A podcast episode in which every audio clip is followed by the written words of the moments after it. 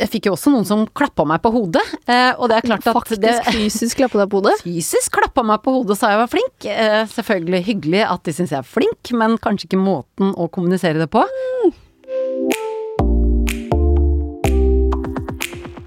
Ukens gjest skulle egentlig bli ballettdanser, men ramlet isteden inn i finansbransjen. Det var eh, fint både for bransjen og for media, for hun ble raskt en av de mest synlige oljeanalytikerne i Norge, før hun gikk i en grønnere retning. Velkommen til en ny episode av Voksenpoeng med meg, journalist Nora Rydne i E24. Og velkommen i studio, Tina Saltvedt, sjefsanalytiker for bærekraftig finans i Nordea. Tusen takk. Er du klar for tre kjappe voksenpoeng?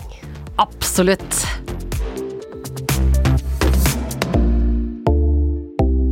Hva er det beste du har gjort i karrieren?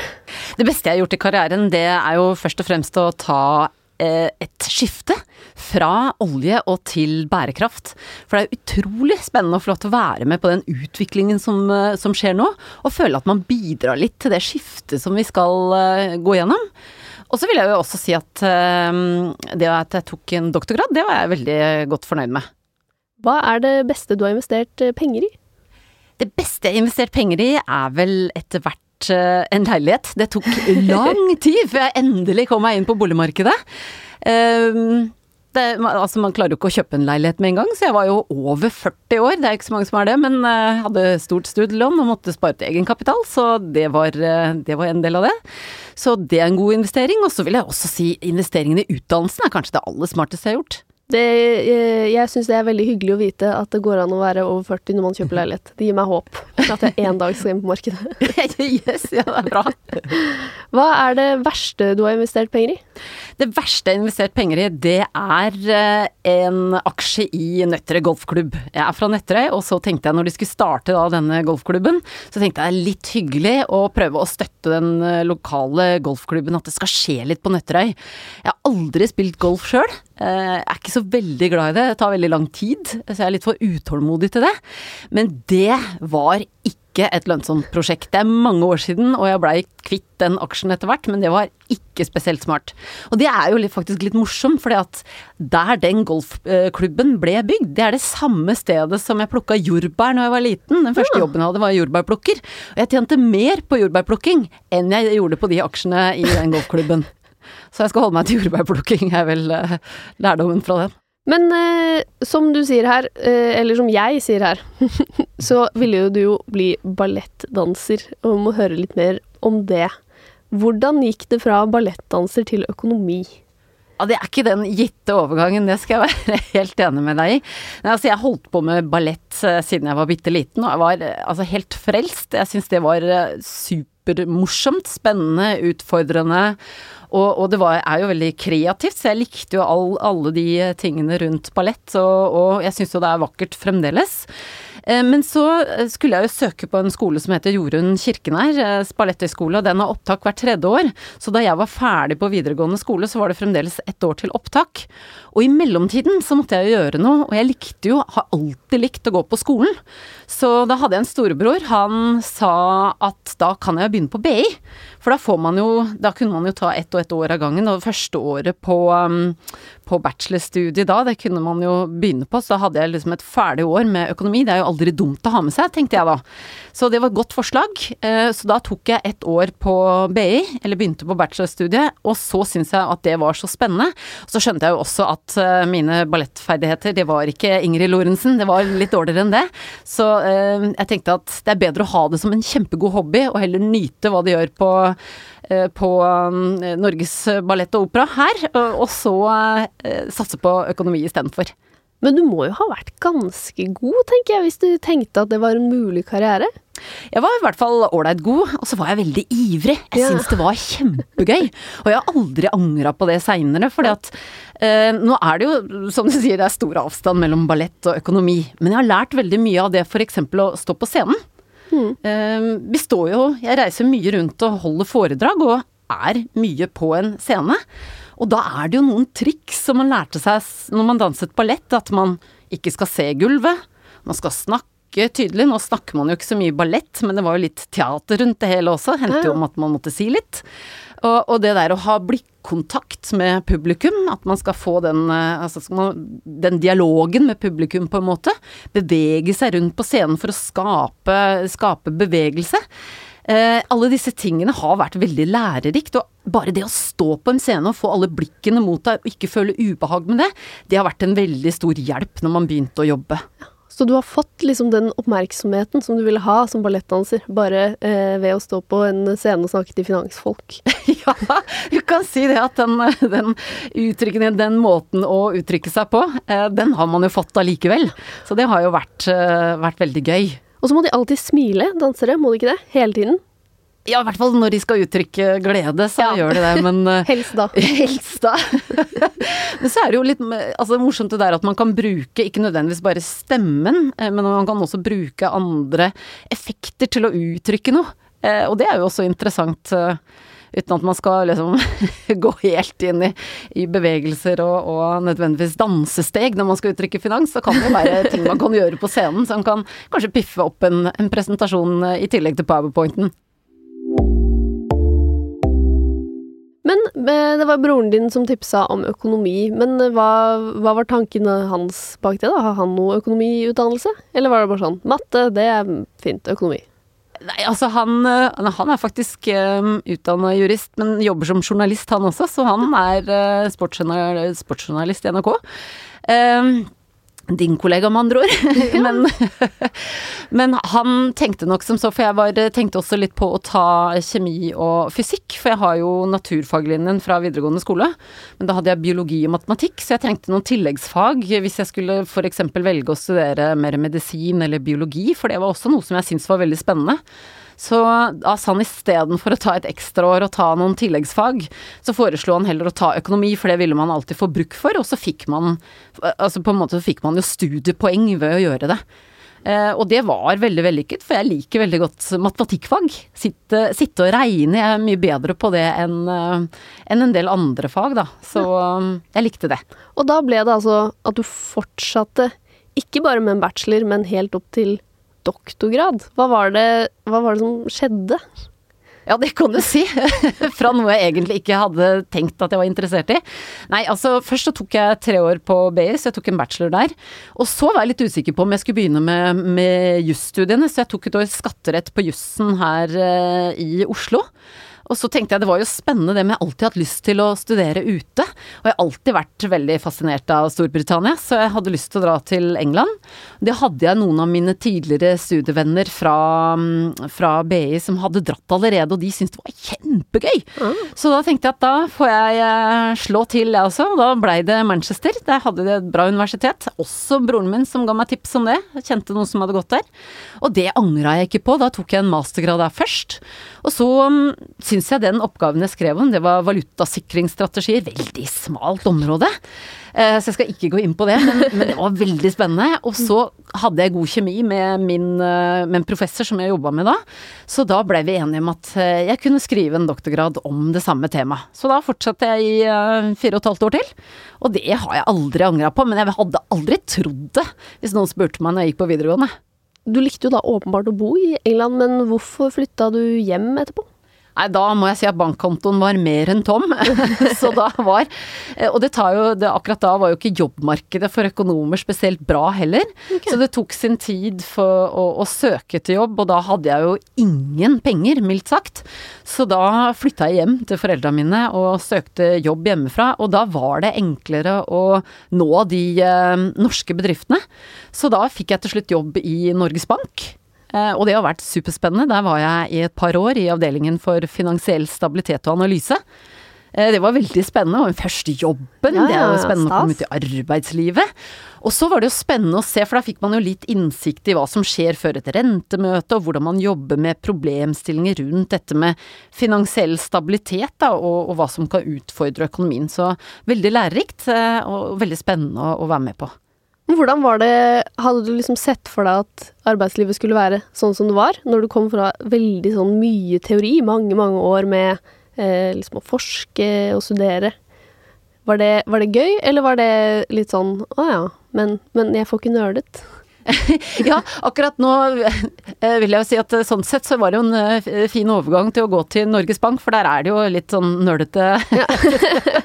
og ikke noe vondt om det, men, men det, er jo, det, er jo, en del av det. Og jeg har jo også jobba i den research-avdelingen i, i, Eller makroøkonomi og analyse i Nordea. Ja. Og det er jo analyse jeg holder på med ennå, så det er jo der de kanskje mest av den type nerder sitter, så, så det har jo fått lov til å nerde sammen med de. vært hyggelig og kjempegøy. Så, mm, så, det har jo vært spennende. Men det er jo andre ting med eh, arbeidslivet som, som er eh, annerledes. Og det har man jo spesielt fått merke som dame, å komme inn i dette med finansmiljøet.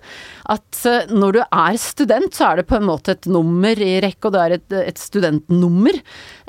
Og ikke nødvendig Altså når du holder på med doktorgrad, så er det klart at det, det, da blir det annerledes, for du får jo et helt annet personlig forhold til, de, til din professor og veileder. Mm.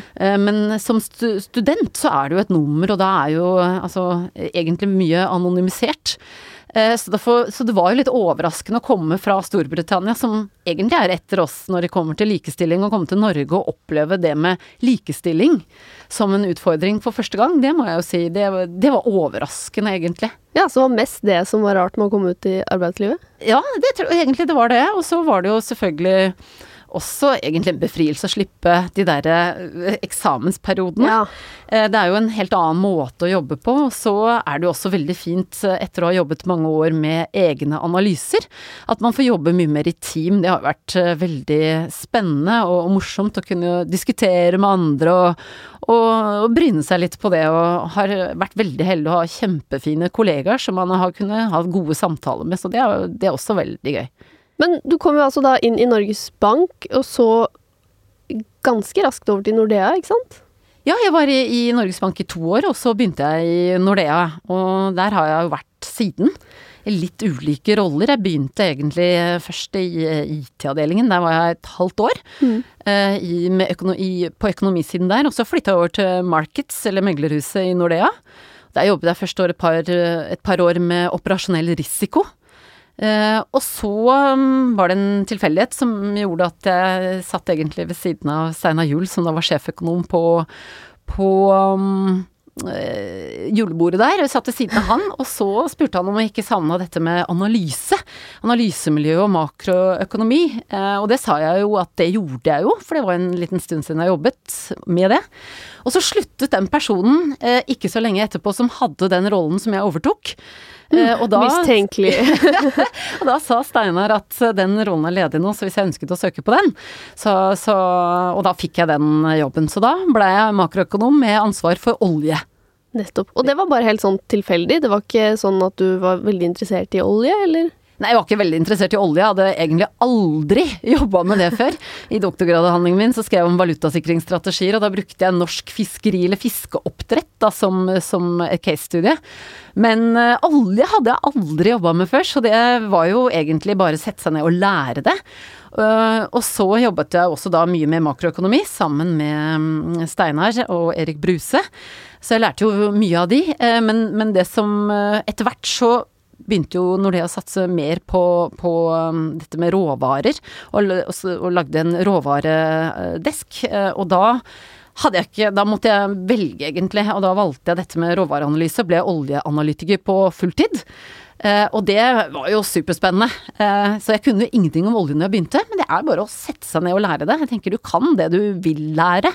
Men altså, hvordan gjorde du det helt sånn konkret? Uh, sette seg ned og lære. Hvordan leste du aviser, eller kjøpte du noen bøker, eller var det bare sånn eh, plage kolleger, eller? ja, jeg hadde en kollega, Bård Andersen, han eh, var jo Han kom jo Hadde jo lang eh, bakgrunn og var jo den som jobbet på salg- og trading-siden. Så han var jo den som kunne råvarer hos oss. Så han hjalp meg med å starte om hvor jeg kunne begynne å lete etter informasjon. Og så var det å sette seg ned og lese, rett og slett. Hvordan henger disse markedene sammen? Hvordan foregår det? Eh, så Bård eh, fortalte meg noe, så leste jeg noe, og så er det jo selvfølgelig også det som skjer daglig i avisene. Mm. Eh, særlig her i Norge så er jo det veldig viktig for den norske økonomien. Og derfor så skrives det jo mye om det i avisene, og det har jo stor påvirkning på økonomien, og også på det som typisk skjer i en, i en markedsavdeling som valuta valuta og rente, så, så det var å, å, sette seg ned og lese det som skjer påvirker oljeprisen på kort sikt, og så var det det å forstå. Og olje er jo også mye politisk drevet, eh, og de har jo en lang historie. Eh, så det var veldig spennende å sette seg ned og lese om hvordan da oljen eh, startet i USA, hva som skjedde rundt der, til oljen Midtøsten, ikke sant. Man så på de store reservene som ligger der, hva som skjedde i Norge, Russland osv. Og, og se hva som styrer oljemarkedet, både politisk, historisk og, og da økonomisk. Så fikk lov til å nøle mer. Enda mer! Helt herlig! Hvor lang tid tok det før du ble eh, sånn skikkelig trygg på at dette kan jeg prate om i avisene? For du har jo vært sånn først på veldig manges ringeliste over oljeanalytikere. Ja, altså det, det, tok jo ikke lang tid før jeg egentlig bare ble sparka ut til det. For det, var, det, tok faktisk ikke mer enn tre uker. Og jeg skal ikke si at jeg følte meg trygg i det hele tatt. Eh, men da var det Jeg husker den første telefonen, og det var sånn wow! Rive seg i håret og hvordan i all verden eh, skal jeg svare på det? Og svarene ble nok deretter i starten, at man tok det som var på kort sikt, det man visste kunne påvirke prisene på kort sikt. Men etter hvert som man da leste mer og ble tryggere og så de litt større sammenhengene om hvordan dette hang sammen, og så hadde jeg jo heldigvis da den ene kollegaen som var der, han som hjalp meg i gang. Eh, han kunne jeg jo også spørre, som kunne veldig mye om markedet, så han hjalp meg også på det. Så eh, det var bare å kaste seg ut i det, rett og slett. Jeg blei kasta ut i det og fikk, og det må jeg jo takke Nordea for, at jeg fikk tillit til å gjøre det også. Eh, for det har jo gjort at eh, det var bare å, å lære seg det, rett og slett. Men du kom jo inn eh, som i en veldig mannsdominert bransje, da. Og fikk tillit av Nordea, men du eh, var jo Du var ikke kjempeung. Du var ikke sånn 25, liksom, eh, og du hadde en doktorgrad. Men hvordan var det å komme inn i bransjen som fortsatt en relativt ung kvinne? Det var jo eh, Jeg er for så vidt glad for at jeg hadde noen ekstra år på baken, og også hadde en doktorgrad da, i hvert fall. Fordi at eh, det hjalp både meg sjøl til å få mer tillit, eh, eller selvtillit, og, og, for det andre så var det til tider at det var fint å kunne egentlig vise, vise, vise til. Um, fordi at um, det er jo ikke tvil om at finansbransjen har jo vært preget av mye menn som sitter i lederposisjoner. Det har vært svært få kvinner. Og når jeg begynte, eller da jeg begynte, så, så var, uh, var det en skepsis. Uh, jeg husker jo det at det var jo folk også internt som spurte meg hvordan i all verden jeg kunne få den jobben jeg fikk. Uh, Oi, koselig. Ja, det var veldig koselig. Uh, og det var jo Og stilte spørsmål med om jeg kom til å klare den. Jeg trodde ikke at jeg kom til å klare den jobben. Eh, og, det, og når jeg spurte hvorfor i all verden det var tilfellet, for jeg hadde jo tross alt den høyeste utdannelsen av alle der, så var det jo jeg fikk jo ikke noe godt svar på det, og jeg fikk faktisk en unnskyldning av den personen noen en tre-fire år etterpå. Så, så, det er jo litt interessant, men, men, man måtte bevise mye, følte jeg i starten som kvinne. Fordi at man ble sett som en litt sånn raritet, eh, egentlig. Litt sånn jøss, hva gjør du her? Eh, og du skal faktisk snakke om finans. Så jeg tror i starten så var man den eh, ok, den eh, dama Jeg tror nok noen også lurte på om man var plassert der bare fordi man var dame. Ja, nettopp. Ikke sant? Og jeg har alltid Maskott. likt å kle meg eh, feminint, altså i rosa kjoler eller hva det skal være. Jeg har aldri likt å kle meg i svarte dresser og prøve å, å mm, forsvinne blant mennene. Så jeg, sånn sett så Og det, det, var egentlig en litt sånn noe jeg måtte gjøre, fordi at um, det var det jeg følte meg trygg og komfortabel i. Mm. Så hvis ikke jeg kunne bli godtatt for den jeg var, så ville jeg aldri trives i den jobben. Så jeg var litt sta på det. Jeg tenkte at jeg får heller gi det litt tid og se. Um, og det hjalp. Fordi at etter hvert som man kom igjen og kom igjen, så fra å være den der eh, den raringen som dukka opp som, som, kvinne, så begynte det jo etter hvert så Ikke sant, man ble vant til at man var der, så begynte man jo etter hvert å lytte til hva man sa. Og, og da fikk man jo også mye mer um, Altså, da, da ble man jo mer likestilt. Så det tok litt tid, rett og slett, før man fikk aksept og man ble behandlet likt. Men etter det så har det jo til tider vært en fordel, fordi eh, det er jo såpass få kvinner at heldigvis har man begynt å løfte frem de kvinnene som er, for forhåpentligvis å få inn flere. Men hva svarte du på de spørsmålene? Altså, jeg kan på en måte ikke helt se for meg hva jeg hadde sagt hvis noen kom til meg og spurte hvordan jeg hadde fått jobben min, og om jeg kom til å greie den. Så hadde det blitt litt sånn Hæ? Hva, hva, svarer man Eller hva svarte du på det? Først så tenkte altså først så svarte jeg at det er ikke noe grunn til at jeg ikke skal klare det hvis alle de mennene som sitter her gjør det. Og så blir man jo litt sånn fandenivoldsk og tenker at ok, men dette her skal jeg da sannelig vise at jeg klarer. Jeg har aldri vært spesielt tøff, men jeg har uh, stort konkurranseinstinkt. Uh, og så er jeg ganske sta, og jeg tror nok at det er det, den kombinasjonen der som har gjort at jeg tenkte at dette her skal jeg sannelig bevise. At uh, dette gjør jeg like bra som mennene, og, og, det føler jeg jo at jeg har gjort. Så jeg tenker at det var, det var kanskje en sånn trigger som, som gjorde at i hvert fall da skulle jeg klare det. Ja. Han som sa unnskyld, da, hva sa du da? Dra til helvete? Det tror jeg jeg hadde gjort. Nei, jeg gjorde ikke det. Jeg tenkte han, han, sa det ikke direkte, men han sa at han hadde tatt feil om noe han, han tiltalte Altså, han snakket om problem... Eller eh, episoden, og han snakket rundt det, men vi begge skjønte hva han refererte til. Og jeg skjønte også at eh, han sa at han hadde tatt feil. Eh, og da tenkte jeg at det er greit. Men er det ikke bare da veldig fristende å være sånn Feil om hva? Kom ja. Få høre det. Jeg tenkte at det var bedre å la det være. Han The hadde skjønt, og da var målet mitt uh, nådd, egentlig. Men det er klart det er en liten seier. Jeg skal ikke Jeg skal ikke uh, si Hva heter han? ja. Etter hvert så ble du jo veldig som vi har nevnt, synlig, og du var på scener og alt sånt. Og så har jeg skjønt at uh, du har jo doktor på visittkortet ditt. Hva, hva, hva har liksom vært reaksjonene uh, på disse litt sånn nedlatende mennene når de har fått visittkortet ditt? Ja, det, særlig sånn i starten, øh, hvis jeg møtte folk jeg ikke kjente, så var det jo når jeg var Eller da jeg var litt yngre, så var det jo en del som etter at jeg hadde holdt en presentasjon, så fikk man jo gjerne kanskje en, et kompliment for hvordan man så ut, eller har tatt med noen fine kjoler, eller den type tilbakemeldinger. Mennene fikk mer på innhold, jeg fikk mer på utseende. Og jeg fikk jo også noen som klappa meg på hodet. Eh, og det er klart at Faktisk det, fysisk klappa deg på hodet? Fysisk klappa meg på hodet og sa jeg var flink. Eh, selvfølgelig hyggelig at de syns jeg er flink, men kanskje ikke måten å kommunisere det på. Mm. Eh, så det er klart at da, da, blir man jo Da må man jo ta seg sammen for da ikke å, å buse ut med et eller annet. Ja. Eh, men da så fortsetter man jo å prate lite grann, og, og da altså, gir man jo ofte visittkortet til hverandre. Og når jeg da kunne gi et visittkort, og så se, så jeg særlig den ene episoden, så så jeg da denne mannen ble stående og lese. Og så ser jeg han blir litt rar i maska, eh, og så, ser, så sier han jaså, så du har en doktorgrad òg, du. Og etter det tok den samtalen en helt annen vending. Så det var slutt på klapping på hodet, og det var slutt på kommentarer om hvordan jeg så ut.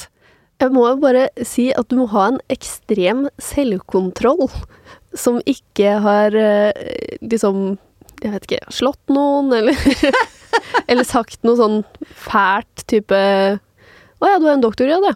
Ja, det har ikke du. er ikke det litt rart? Tror du du greier den jobben, eller? Ja, nei, det er eh, Nei, jeg har tenkt som så at eh, det er, eh, det er bedre å holde, holde, tonen god, og så får man jo Så er det jo de heller som får Altså jeg tenker da, da går jo de heller i seg selv, forhåpentligvis. Og det har jeg jo sett reaksjonen at det har de gjort. Um, for jeg tenker at det er Jeg ønsker jo å få flere damer inn, så jeg tenker at det er viktig at man ser at dette er eh, også en arena som vi kan være på. Nettopp. Og så eh, har du jo da vært eh, masse i media og liksom eh, turt å gjøre det, og da, da har du fått har det liksom økt respekten, eller har det gjort at folk har blitt misunnelige? Har du tråkket på noen egoer på den måten? Jeg tenker at eh, det er sikkert alltid noen man treffer når man er ute og uttaler seg i media, som ikke liker det man sier, eller som er misunnelige. Eh, og sånn sett så må jeg jo si at det finnes jo mye forskjellige folk der ute som eh, Så jeg tenker kanskje at den mest eh, rare opplevelsen var vel en som beskyldte meg for å stå bak finanskrisen i verden. Og det bør man jo kanskje etter, eh, etter den tid, eller da det var ferdig, fordi at det var jo ganske ubehagelig når det sto på, for det var jo ikke noen som eh, altså, tilkjennegjorde hvem de var. Men det var noen som ringte og sendte meldinger og, og den type ting. Og, og det er klart hvis man da faktisk tror at jeg, eh, en, eh, liten jente fra, eller en dame, eh, da ung dame fra Norge, står bak en verdens finanskrise, så bør man vel kanskje føle seg mer beæret enn noe annet. Ja, det ville jeg også tenkt. Ja, jeg tenkte det er jo faktisk imponerende at du tror det. Tusen takk. ja. Så, men det er jo selvfølgelig, det er jo en utfordring at, det, at man kan jo det er jo en del som, som eh, tar kontakt med litt andre, eh, andre, hensikter enn nødvendigvis de rent faglige, og det er ikke alltid så veldig gøy. Men, men det er jo en del av det hele, og jeg tror nok ikke jeg har vært den som har vært verst utsatt der. Jeg tenker, og der må jeg er imponert over en del av politikerne, for jeg tenker at de får mange av disse nettrollene. Um, mm. Og der må jeg også si at jeg setter veldig pris på at uh, dere som, har, uh, som jobber i media etter hvert også har jo tatt mye mer kontroll over de nettsidene. Og, og ja, hvordan de diskusjonene har gått. Det kan jeg ikke ta noe ære for, men det er absolutt uh, veldig bra og en tøff jobb. Men sånn sett så er det jo også viktig, tenker jeg, at man står frem som kvinne i media. Mm. Vær, og, altså bidrar i debatten og diskusjonene, for det vil jo aldri være 100% som er enig i det. Eh, fordi at man trenger flere kvinner der. Eh, og det er jo noe som jeg alltid har blitt oppfordra til, og det er jo litt grunnen til at man har blitt spurt. Jeg har prøvd å si ja og stille opp på de, de tingene jeg har blitt spurt om. Eh, og bli med i de eh, debattene som er. Eh, også litt fordi at jeg håper at det kan gi litt selvtillit til flere kvinner å være med. Fordi at det er viktig å høre kvinners stemme. Eh, det er særlig viktig nå når vi har en stor endring som er på gang i økonomien. Vi skal stille inn samfunnet på nytt, i en ny retning. Og da er det jo viktig at det er ikke bare mennene som skal ta eh, kontrollen over det, det skal også kvinnene være med på. Og da må vi tørre å være med i de debattene om hvordan verden skal se ut, hvilken verden vi ønsker oss. Så derfor så er kvinners eh, rolle og, stemme viktig i den diskusjonen. Og, og, da må man jo prøve å, å, mm, vise at det er ikke så farlig å være der ute. Og forhåpentligvis gi kvinner litt uh, mer selvtillit til å tørre å være med på de debattene. Ja, og dere, dere analytikere, dere eh, No offense, men dere tar jo mye feil. Dere tar jo stort sett feil, faktisk. Eh, og så var jo du en av de veldig få analytikerne som en gang tippet oljeprisen helt korrekt. Yes! Men det er jo kanskje ikke sånn at man, man må gjøre det. Altså, har det Har den derre megatreffen gjort deg eh, redd for å spå etterpå fordi du skal bomme? det er klart at det er, året etter er særlig kjipt. For ja, legger lista veldig høyt. lista litt høyt, ja. Så, uh, så det var jo Eh, det var jo utfordrende, selvfølgelig, men jeg tenker det er jo litt rollen å være analytiker. At uh, man skal jo si noe fornuftig om fremtiden. Og hadde jeg kunnet hver gang truffet 100% med analysene, så burde man da kanskje ikke si de bort. Da burde man jo holdt de for seg sjøl. Eller starte en finanskrise. Ikke sant. Starte en finanskrise. Nei.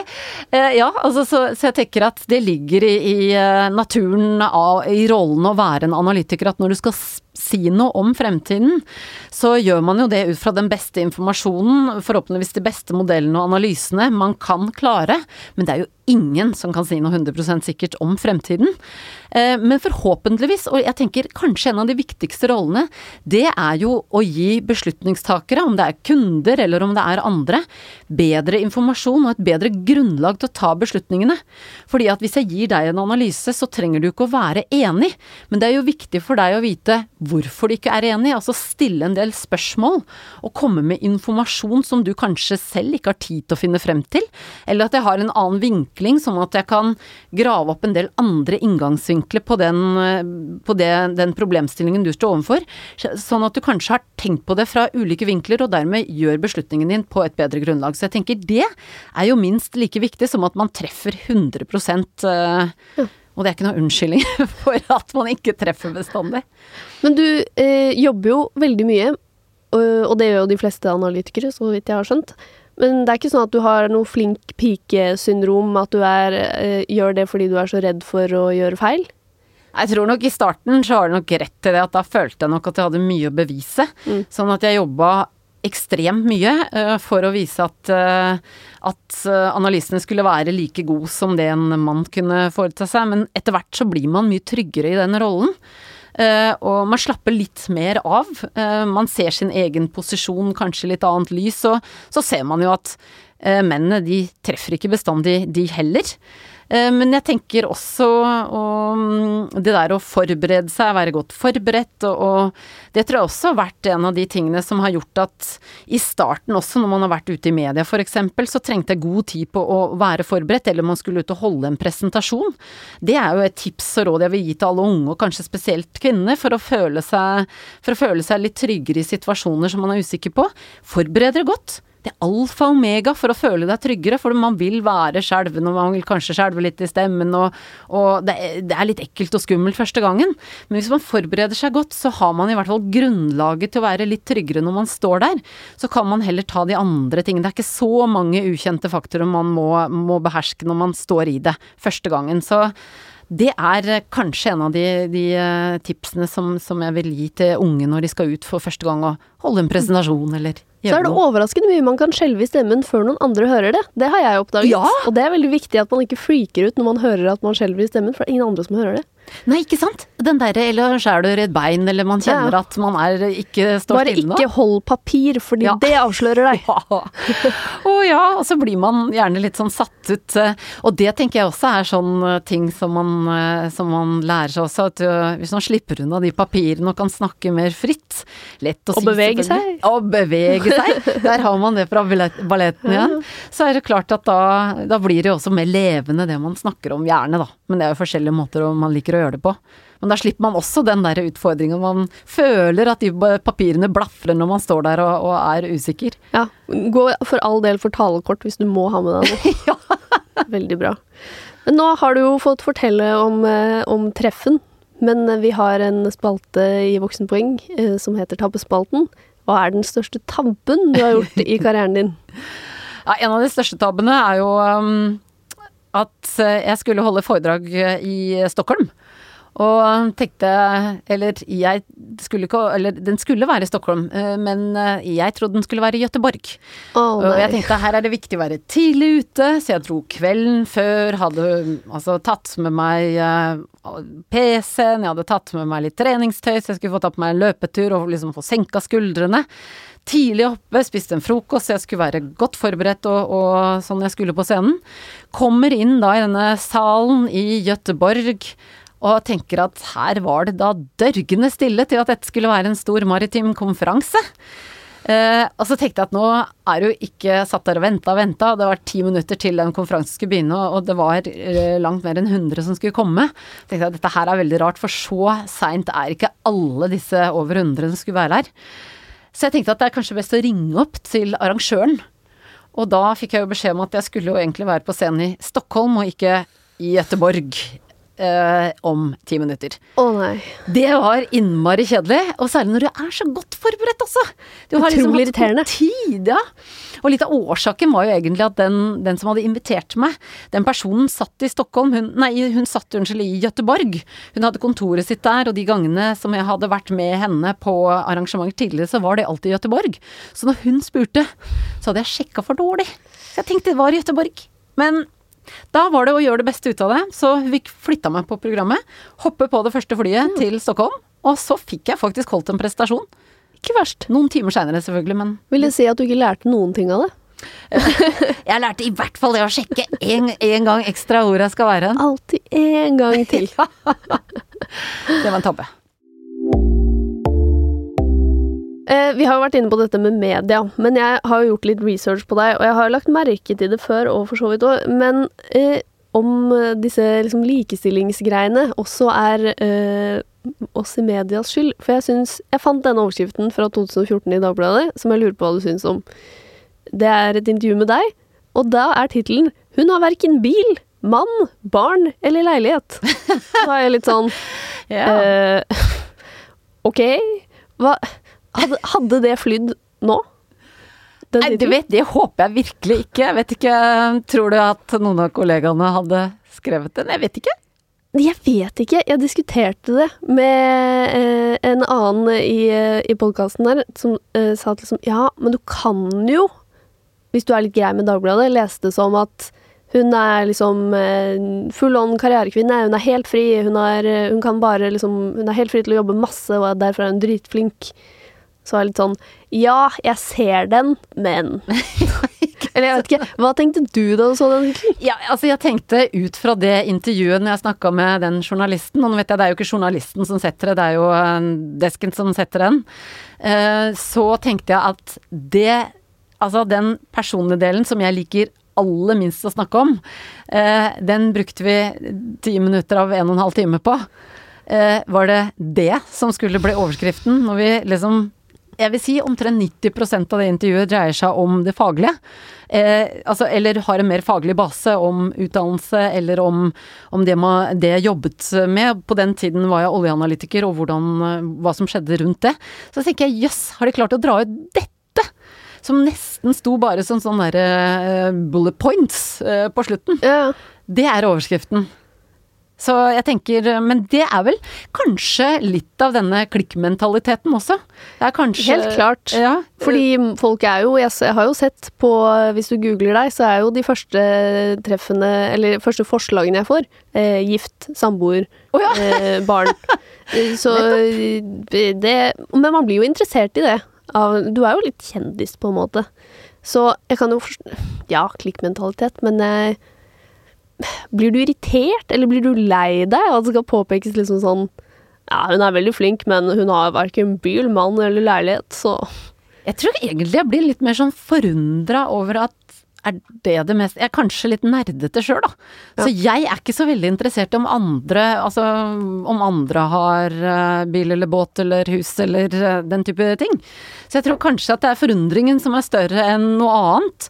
Om at er det ikke det faglige som er interessant her, om vi klarer det grønne skiftet, eller uh, hva som skjer rundt norsk økonomi, og hvor kommer de nye arbeidsplassene.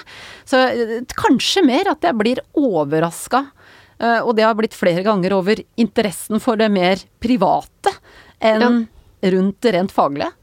Ja, for det har jeg jo også lurt på om en del av det, og det er jo litt interessant i et likestillingsperspektiv og for så vidt, i finansbransjen. Er det sånn at arbeidspresset i finansbransjen faktisk ikke er forenlig med familieliv? Der, jo, der, er det på vei til å bli en endring, fordi at uh, finansbransjen har vært altfor dårlig til å få inn kvinner. På alle, nesten alle nivåer. Uh, eller i hvert fall i det, i, i det meglermiljøet, det som dreier seg om uh, mer sånn hardcore finans, da, om vi kan kalle det det. og det er veldig, veldig synd, fordi at finans er superspennende. Og det er ingen som helst grunn til at ikke kvinner skal, skal, kunne klare det. Så vi har en stor oppgave å endre kulturen og endre ryktet til eh, finansbransjen for å kunne få flere kvinner til å jobbe der. Fordi at kvinner kan Altså, det er så mye spennende som man går glipp av hvis man ikke eh, Altså hvis man ikke ser det som en mulighet engang. Eh, og da er det jo klart at da må jo vi i finansbransjen gå inn og se sjøl hva er det som gjør at ikke flere kvinner søker finans. Og når jeg snakket med gjerne noen av sommervikarene våre, eller jeg snakket med unge, for vi har jo vært mye rundt på universitetene, holdt presentasjoner, snakket med unge mennesker som ønsker å, å, å søke seg til, eller i hvert fall uh, vi håper å få etter hvert inn i finansbransjen, så har det jo blant unge kvinner vært en, um, et syn på finansbransjen som at vi fremdeles er som uh, altså gamle Wall Street-filmene og, og, Gordon Gekko fremdeles er den som, som ruler. Det stemmer ikke, heldigvis lenger, og det har vært store endringer i bare den tiden som jeg har vært der. Uh, og, jeg tror nok, hvis man går på innsiden, uh, en del av de tingene som vi har sett også har vært utfordrende å holde på kvinner som har begynt der, det er at det har vært vanskelig å kombinere med familielivet. Mm. Og, og, derfor så har, ser man jo nå at det begynner å gjøre en, gjøres endringer. Blant annet så har det jo vært veldig lange, eller lange dager, i hvert fall har man vært veldig bundet til å komme når børsen åpner, og være der til den stenger. Der ser man jo at det går det an å justere på, at man kanskje kan levere i barnehagen eller hente, eller altså at man kan gjøre ting med der. Um, andre ting som har vært utfordrende, det er jo at ofte når du begynner, så får du Så må du bygge deg opp en portefølje av kunder.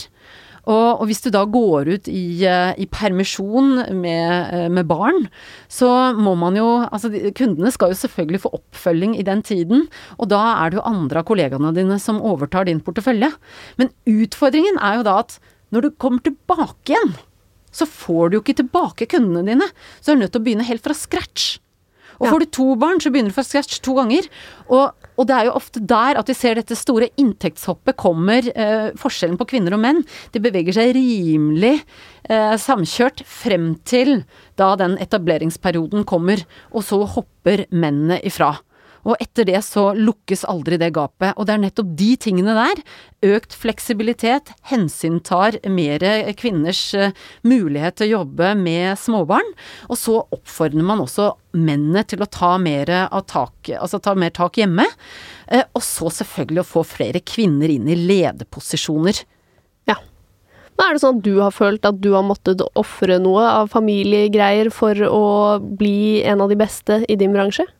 Det har krevd mye arbeid, det har det gjort, men jeg føler ikke at jeg har ofret noe, for jeg har eh, genuint vært interessert, og er genuint eh, interessert i det jeg gjør.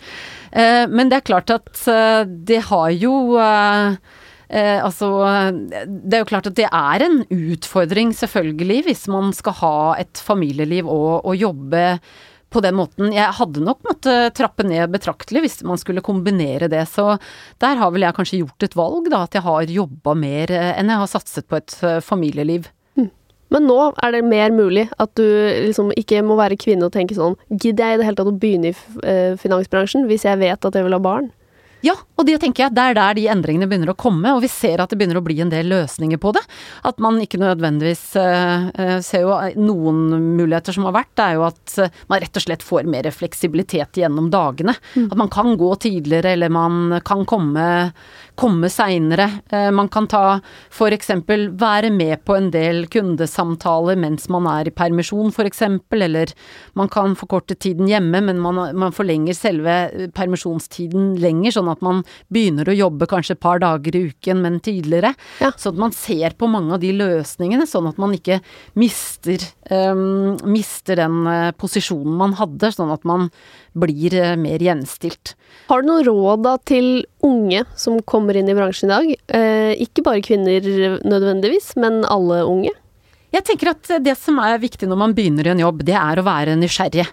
Prøv å sette, sette, seg litt inn i hva som foregår ikke bare den jobben som du skal gjøre, men gjøre seg litt kjent med hvordan eh, bedriften er, hvem som jobber der og de ulike funksjonene de ulike har.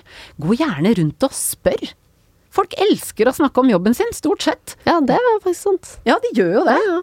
Eh, og, og, det er jo naturlig, og, og på den måten så man jo, blir man jo kjent med litt de personene som er der. Mm. Eh, og så man, ser man jo hvordan hele bedriften ofte henger sammen. Ofte kan det være, ta litt tid før man får det store overblikket og se hvilken funksjon har min bedrift i den store sammenhengen. Hvilken påvirkning har vi på samfunnet, og hvilken oppgave skal vi egentlig gjøre som bedrift. Eh, så det er en fin måte å komme i gang. Og så er det også viktig, tenker jeg, å ikke gi opp. Eh, for man kan føle seg litt liten, og, og man kan føle seg litt eh, at ting er litt skumle, og, og, man føler seg kanskje at man ikke har så mye påvirkning i starten, men ikke gi opp. Og ikke være redd for å si meningen sin. Man, altså, ingenting er dumt. Eh, det er ikke sikkert at du, de andre er enige med deg med en gang, men det er fint å få litt Altså, man er jo ansatt av en grunn. Det er jo fordi at eh, ledelsen mener jo at man har de kvalifikasjonene som skal til, og så vil man jo lære bedriften å kjenne etter hvert. Men det er jo en mening at man skal tilføre noe også, som de ikke har fra før. Så jeg tenker eh, det er også viktig at man tør å være med på de diskusjonene og komme med sin mening og ja, eh, rett og slett være litt med i det som skjer der.